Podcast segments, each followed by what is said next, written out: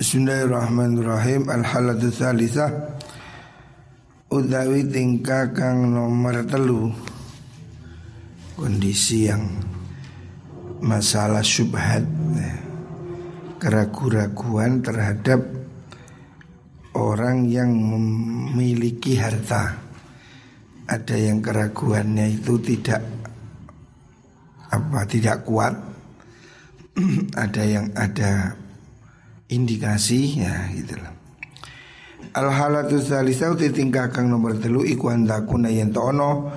Opo al halatu tingkah iku maklumatan den urui binau ihubratin kelawan macepe pengalaman.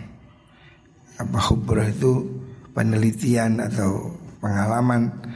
Wa mumarosatin lan netepi berdasarkan keadaan sebelumnya Biha itu yujibu sekiranya netepakan opo mengkuno opo zalika mengkuno halah zonan ing penyono.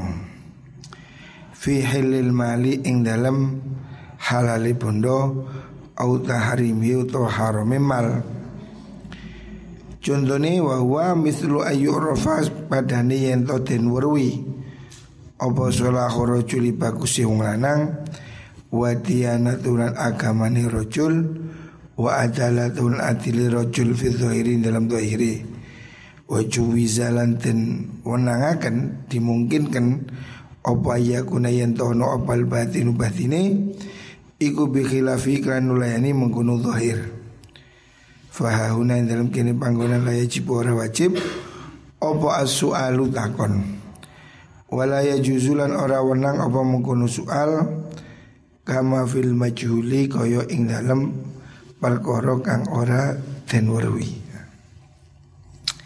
Jadi apabila ada keraguan terhadap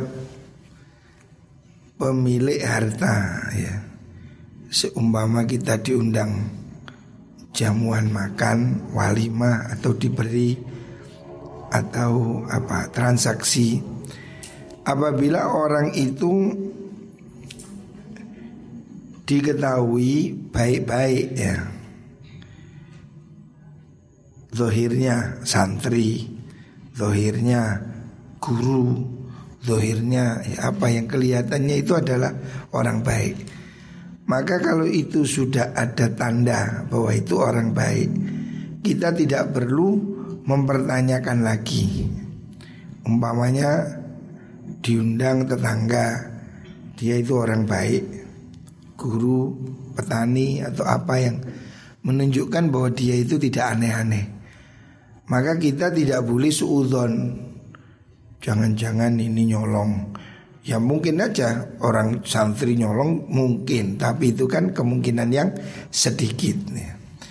umumnya kan orang itu kalau santri ya baik.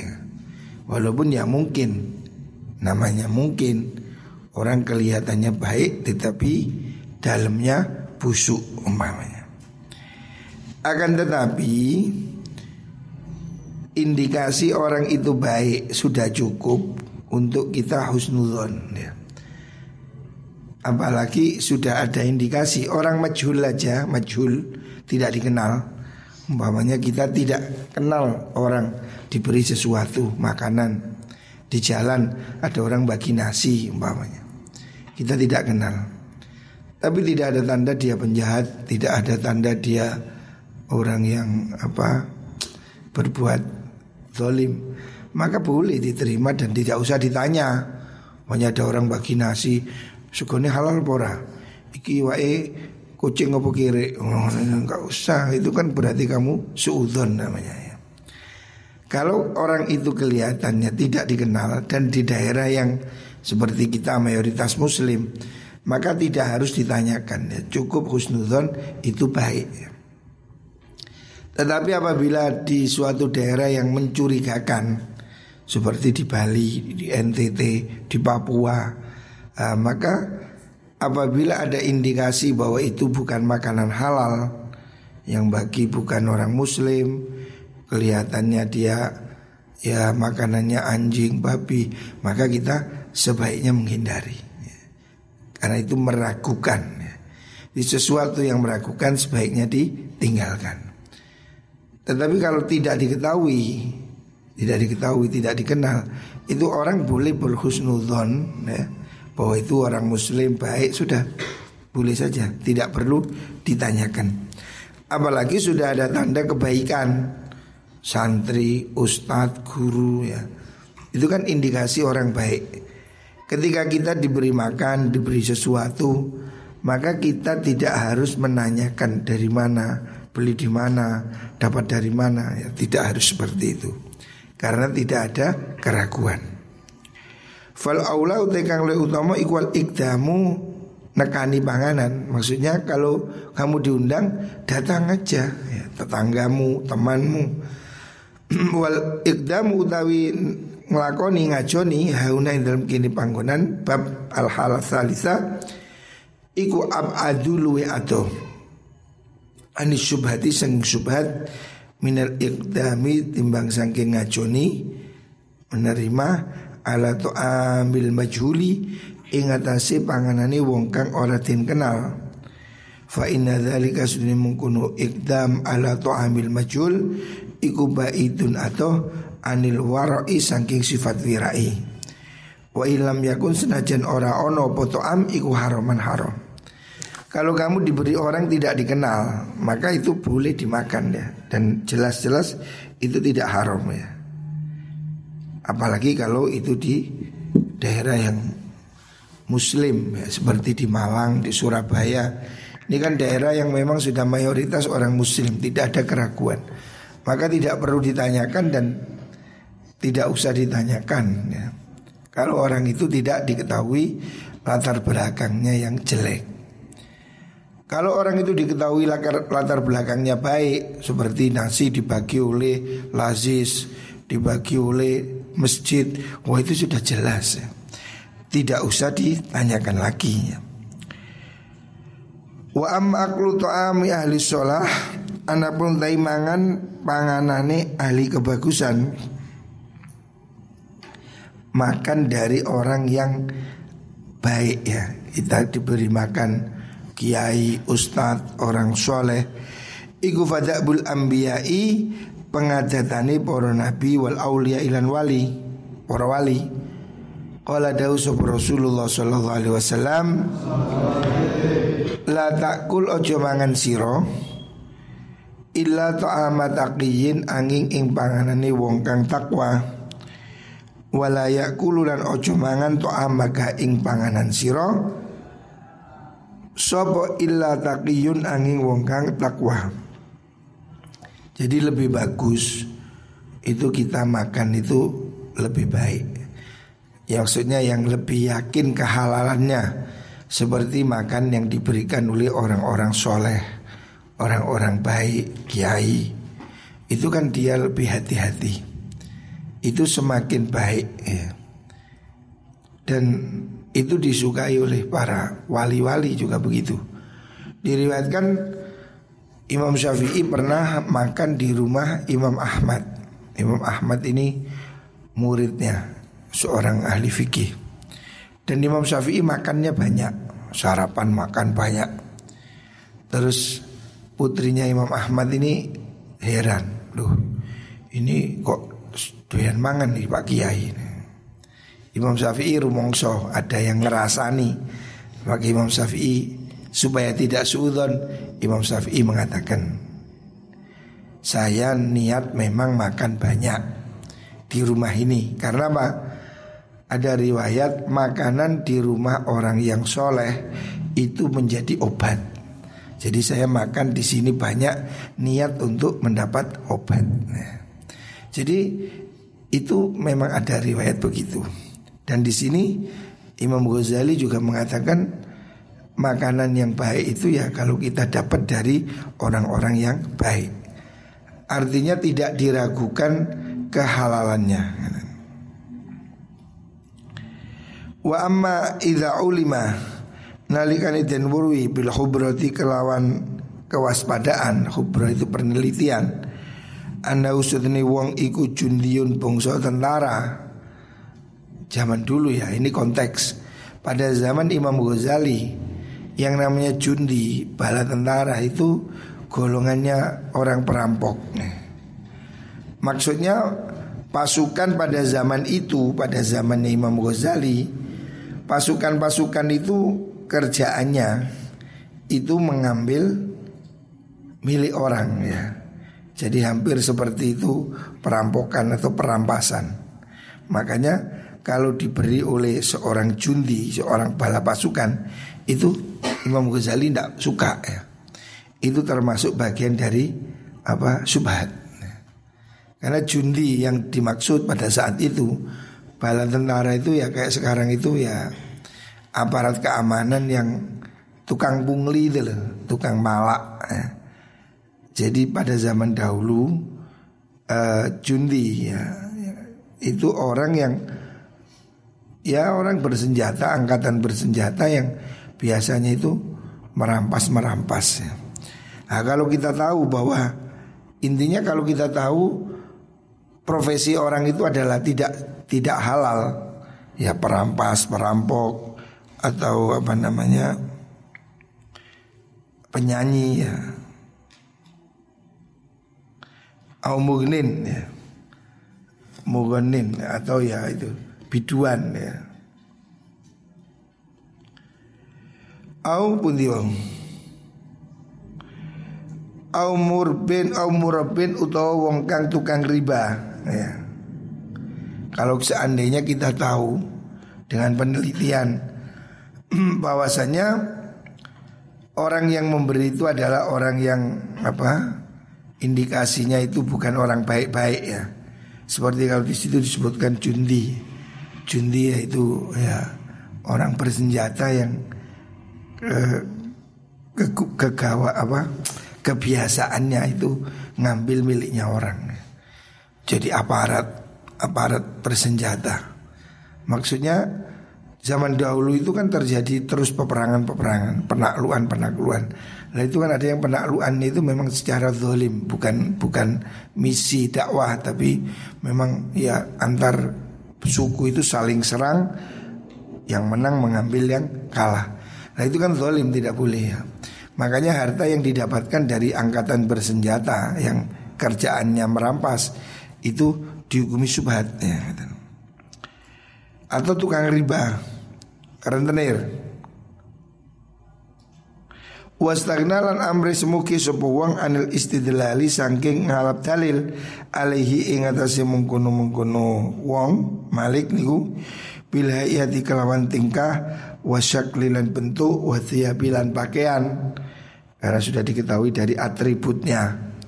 Oh ini atributnya petugas anu yang biasanya itu pungli atau apa ya. Dari atributnya dari bentuknya apa dari Ya ciri-cirinya umpamanya. Oh ini ciri-cirinya bandar narkoba umpamanya.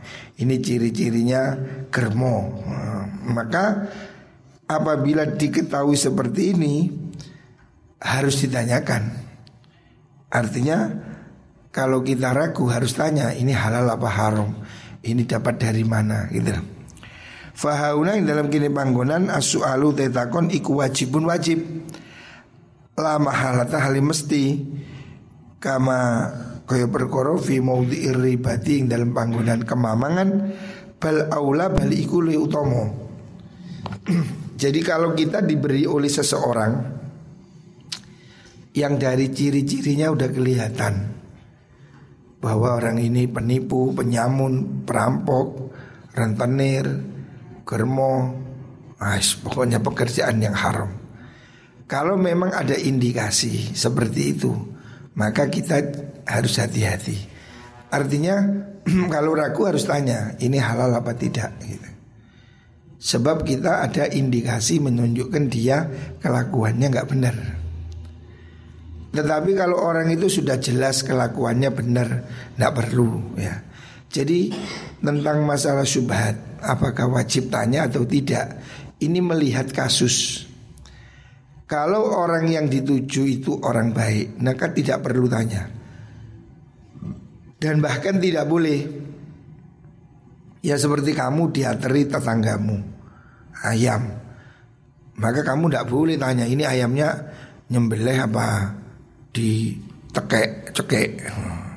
Ini ayamnya beli apa nyolong Itu kan kamu berarti suudon Menyakiti hati orang lain Tidak boleh ya Tapi kalau di situ tidak ada indikasi Ya tidak usah ditanyakan Ya seperti kita ini Ya di mana-mana ada warung ya Ada orang jual nasi Beli makan kan kita tidak perlu ngurus Ayamnya beli di mana Nyembelihnya gimana Ada yang orang seperti itu saya pernah di Jogja, di Jogja diajak teman saya makan gudeg.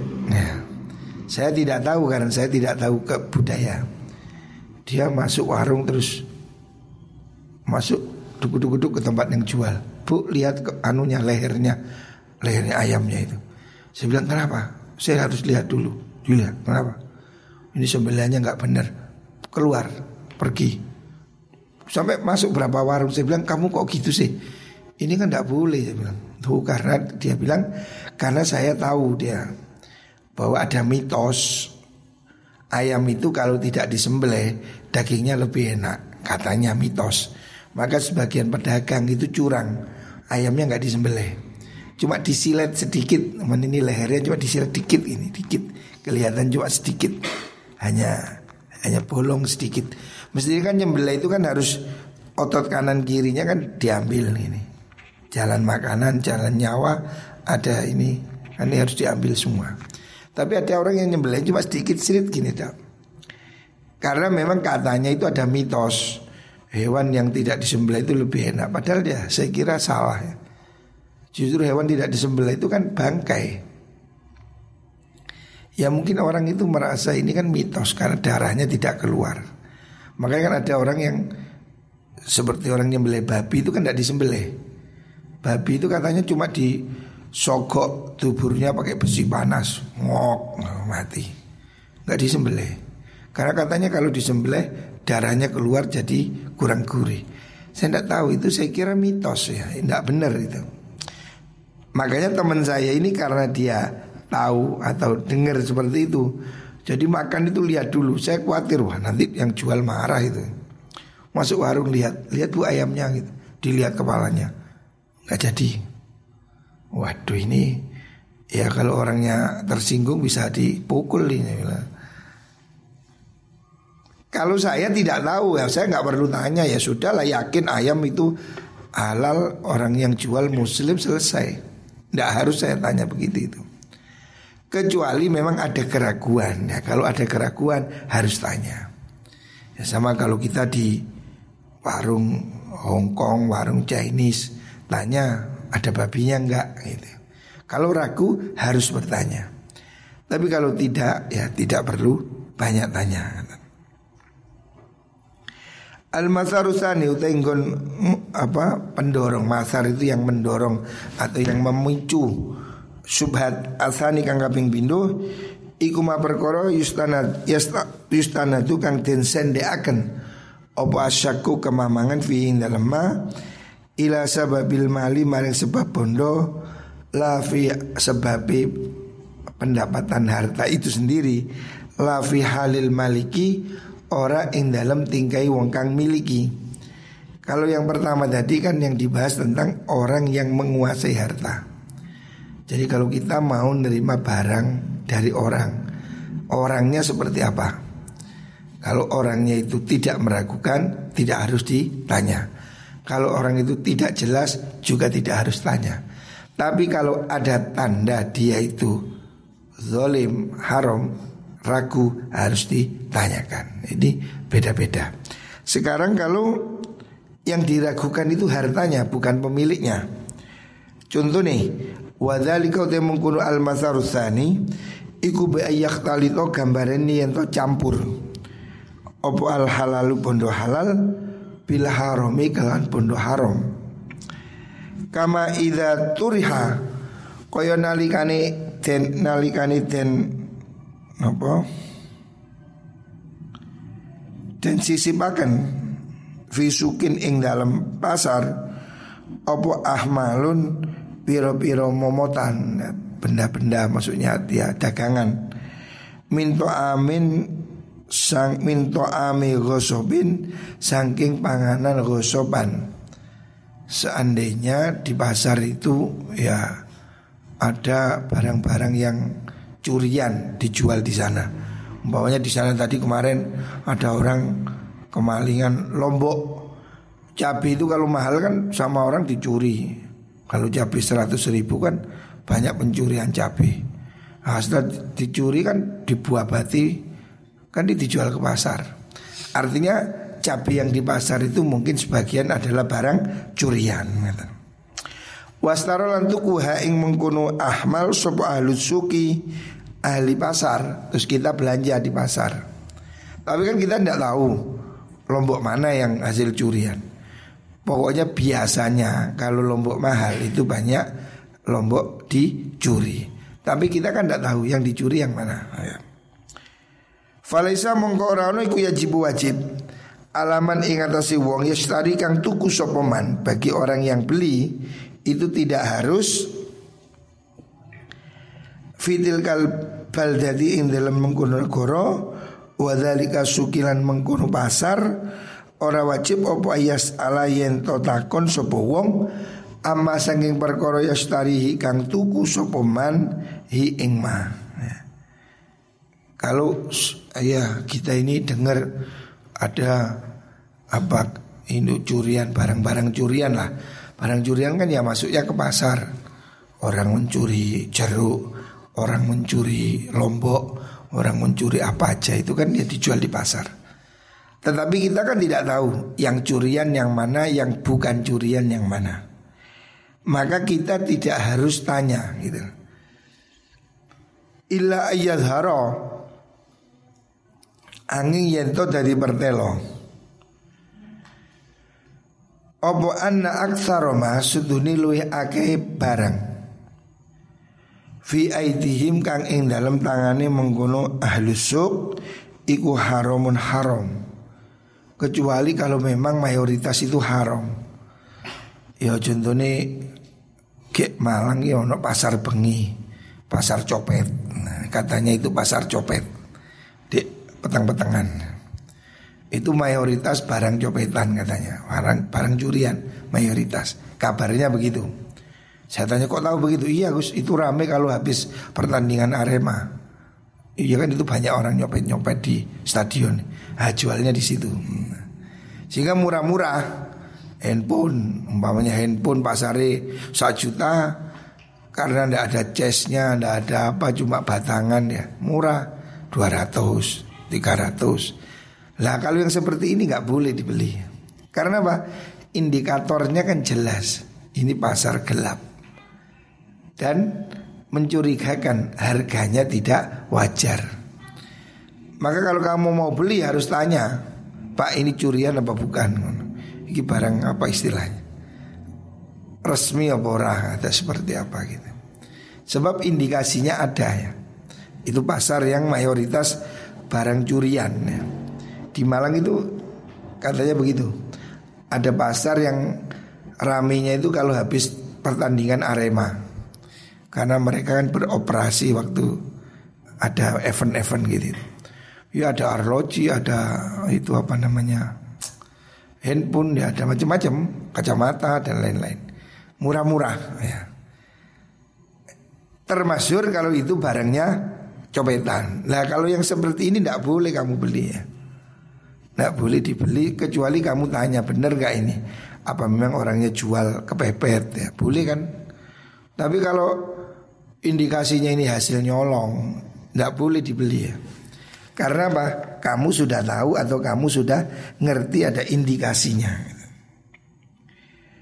Fa inda dzalika nalikane mengkono-mengkono ayat haroniku yajibu wajib apa soalu takon kalau situ memang termasyur daerah itu memang pasar barang colongan, ya kamu harus tanya toko onderdil umpamanya. Karena ada onderdil itu yang memang asli onderdil, ada yang onderdil itu hasil anuan itu apa? Dendengan istilahnya dendengan. Jadi orang nyuri sepeda motor ini yang canggih itu hanya waktu cuma dua jam katanya hilang sudah, tidak bisa dicari sepeda motor hilang itu. Saya tanya kenapa tidak bisa dicari Loh itu didendeng Jadi begitu curi langsung masuk perwodoli kabeh wis. Bani didol dewi, lampune dewi, sepione dewi. Jadi wis gak iso digoleki. Jadi maling-maling seperti itu. Jadi curian sepeda itu langsung di dendeng. Pernah terungkap di daerah Dampit itu ketangkap terus di di apa diinterogasi ternyata dia itu sudah nyuri ratusan sepeda jadi yang nggak bisa dijual itu kan yang apa rangkanya mesin itu ada nomornya. Itu dicemplung nonang sungai atau danau gitu. Begitu di, diambil ternyata memang ada di situ banyak apa ditenggelamkan di situ. Jadi untuk menghilangkan jejak bangkainya itu dibuang ke danau. Tapi yang bisa dicopot dicopot jadi itu diprotoli dijual spion kan payu. Ini semua underdeal kan laku ya. Lah kalau yang begitu itu tidak boleh dibeli. Kalau kita yakin ini barang curian tidak boleh dibeli. Tapi kalau ada itu memang bukan curian atau memang itu barang barang yang memang sitaan yang kan ada memang yang dirosok. Underdeal itu ya ada yang memang asli dirosok. Jadi kayak taksi-taksi itu kalau dijual kan sudah tidak laku itu dirosok. Dipecah mesinnya dijual sendiri kacanya sendiri. Ya seperti itu. Ada yang memang didendeng. Mobil-mobil lama itu didendeng.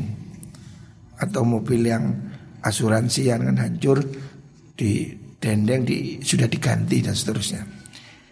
Kalau ada indikasi itu curian harus ditanyakan supaya tidak apa tidak ada ragu-ragu.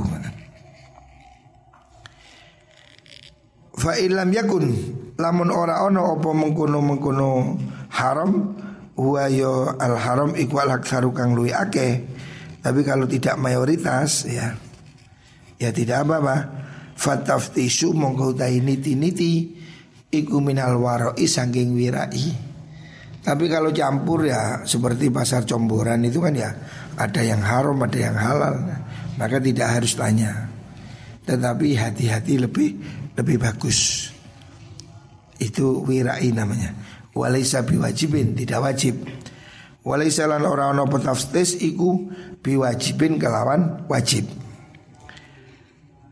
Wasukul kabiru tai pasar gede Pasar yang besar Iku hukmu tai hukumnya mengkono sukul kabir Iku hukmu balatin Hukumnya negoro Maksudnya ya seperti itu Kalau terjadi di sebuah daerah Artinya kalau memang mayoritas di situ barang-barang itu haram ya meragukan harus ditanyakan.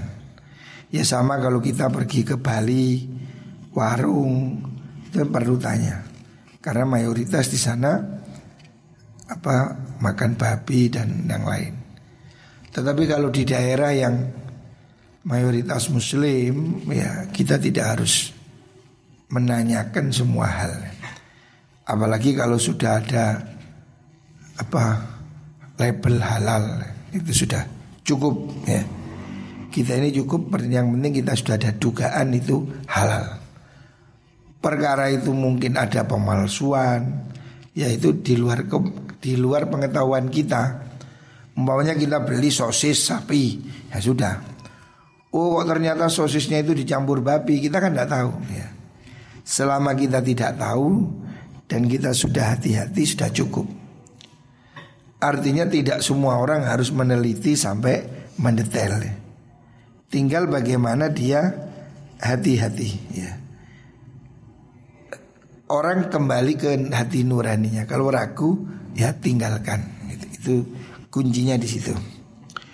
Wadalilu te dalile ala annau ing atus kelakuan iku la ora wajib apa soalu takon. Wa taftishu niti-niti Idza yakun nalikane ora ono apa al aglabu kang luwih kaprah ikwal haram haram. Tidak wajib tanya kalau bukan mayoritas haram. Dalilnya anas sahabat sunni sahabat radhiyallahu anhum iku lam yamtaniu ora padha kacegah sapa mengkono sahabat minas syira isangin tuku minal aswaki sanging biro-biro pasar.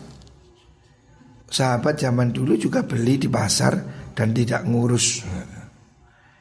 Wa fi halan iku dalam aswak Darohimu te pira-pira dirham Darohimur riba Utawi pira-pira dirham riba Wa hululul ghanimati lan colongan korupsi bondo jarahan rampasan perang. Wa ghairi halan yani mengkuno gulul wa kanulan ono sapa sahabat. Iku layas aluna ora takon sapa sahabat fi kulli aktin ing dalam saben-saben akad. Wa inna masu'alu angin bestine utai takon iku nukila den nukil apa soal an ahadihim saking piro-piro ijen-ijene sahabat nadiron halikang longko. Jarang sekali kok ulama itu sahabat zaman dulu mempertanyakan barang-barang yang ada di pasar. Walaupun sejak dulu namanya barang haram itu sudah ada. Barang curian sejak dulu sudah ada. Tetapi sahabat tidak mendetail meneliti sampai ke mana-mana. Yang penting zahirnya halal ya halal. Zahirnya roti ya roti, zahirnya daging ya daging. Artinya dihukumi sesuai zahir. Tidak perlu diurus daging dari mana, roti dari mana. Jarang sekali hanya sedikit ya yang yang menanyakan seperti itu. Fi ba'dil ahwali dalam sebagian piro-piro tingkah. Wa yau te mengguno ahwal iku halur ribati tingkai tingkai mamang. Jadi kalau ragu baru harus ditanyakan. Fi haqqi dzalika syakhsi ing dalam tinggai mengkono wong suici al muayyani kang tertentu. Jadi kalau orang tertentu ya yang mencurigakan ditanya. Wa kadzalika kaya mengkono-mengkono layas alun niku kanu ana sapa sahabat iku yakhuduna padha ngalap sapa sahabat al ima ing piro-piro harta jarahan rampasan perang minal kufari saking pira-pira wong kafir alladzina kanu kang ono sapa mengkono kufar iku qad qatalu teman-teman merangi sapa kufar al muslimina ing pira-pira wong Islam jadi kalau memang tidak ada keraguan sahabat juga tidak menanyakan asal usul harta yang didapat di pasar Walaupun zaman dulu itu sudah ada juga harta haram. Seperti juga contoh sahabat itu mengambil harta jarahan. Tradisi pada zaman dulu Perang antar agama atau antar suku Yang kalah itu hartanya dirampas. Jadi hukum hukum masa lalu itu seperti hukum rimba Yang kuat memakan yang lemah. Lah Seandainya orang sahabat ini perang lawan orang kafir, maka orang kafir kalah, hartanya itu dirampas, dimiliki oleh yang menang muslim. Padahal hartanya orang kafir ini sebagian yang mungkin hasil yang rampas miliknya orang Islam. Kan perang ini terus silih berganti. Mungkin ini sekarang kafir muslim yang menang kafir, berarti yang harta orang muslim dirampas orang kafir. Besok kafir ini perang sama muslim ini kalah, harta ini diambil oleh yang menang. Loh, harta yang diambil dari sini kan dari orang Islam dulu hasil kerampas. Tapi kan nggak diurus sampai ke sana. Pokoknya ini sekarang di tangan ini kalah dirampas, selesai. Artinya tidak harus meneliti-neliti sejauh mana gitu. Selama tidak diketahui itu barang yang jelas-jelas haram. Kalau barang itu jelas haram, nggak boleh. Ada orang habis nyolong terus Kon tidak mangan, eh mangan apa? Aku tak nyolong. Ya jangan, kamu jelas itu haram. Ya. Kan saya tidak ikut nyolong. Tidak ikut nyolong menikmati colongan juga tidak boleh. Ono wong boleh pitik. Tapi sih ngomong, ayo mangan pitik apa? Iki pitik aku nyolong. Cuma melo. Nggak boleh kamu, aku kan gak melok nyolong. Kamu kan tahu itu tadi hasil nyolong. Yang begitu tidak boleh diambil. Tetapi kalau kamu disuguhi orang yang kamu tidak tahu apakah dia beli, apakah dia nyolong, maka kamu tidak harus tanya. Yang penting kamu tidak ragu bahwa itu hasil nyolong gitu. Kalau kamu ragu, yo takonono. Kok konjomu moro-moro ngejak mayoran. Takonono sih kon oleh kiriman dah. Lek iya ya iya lek enggak aku nyolong. Yo cok melo. Kamu kalau curiga takonono oleh ndigi. Jangan kamu yang penting pokoknya yang penting enak. Ya jangan. Haram kamu harus hindari ya. Pilihlah harta yang halal. Muka-muka kita semua diberi rezeki yang berkah yang halal.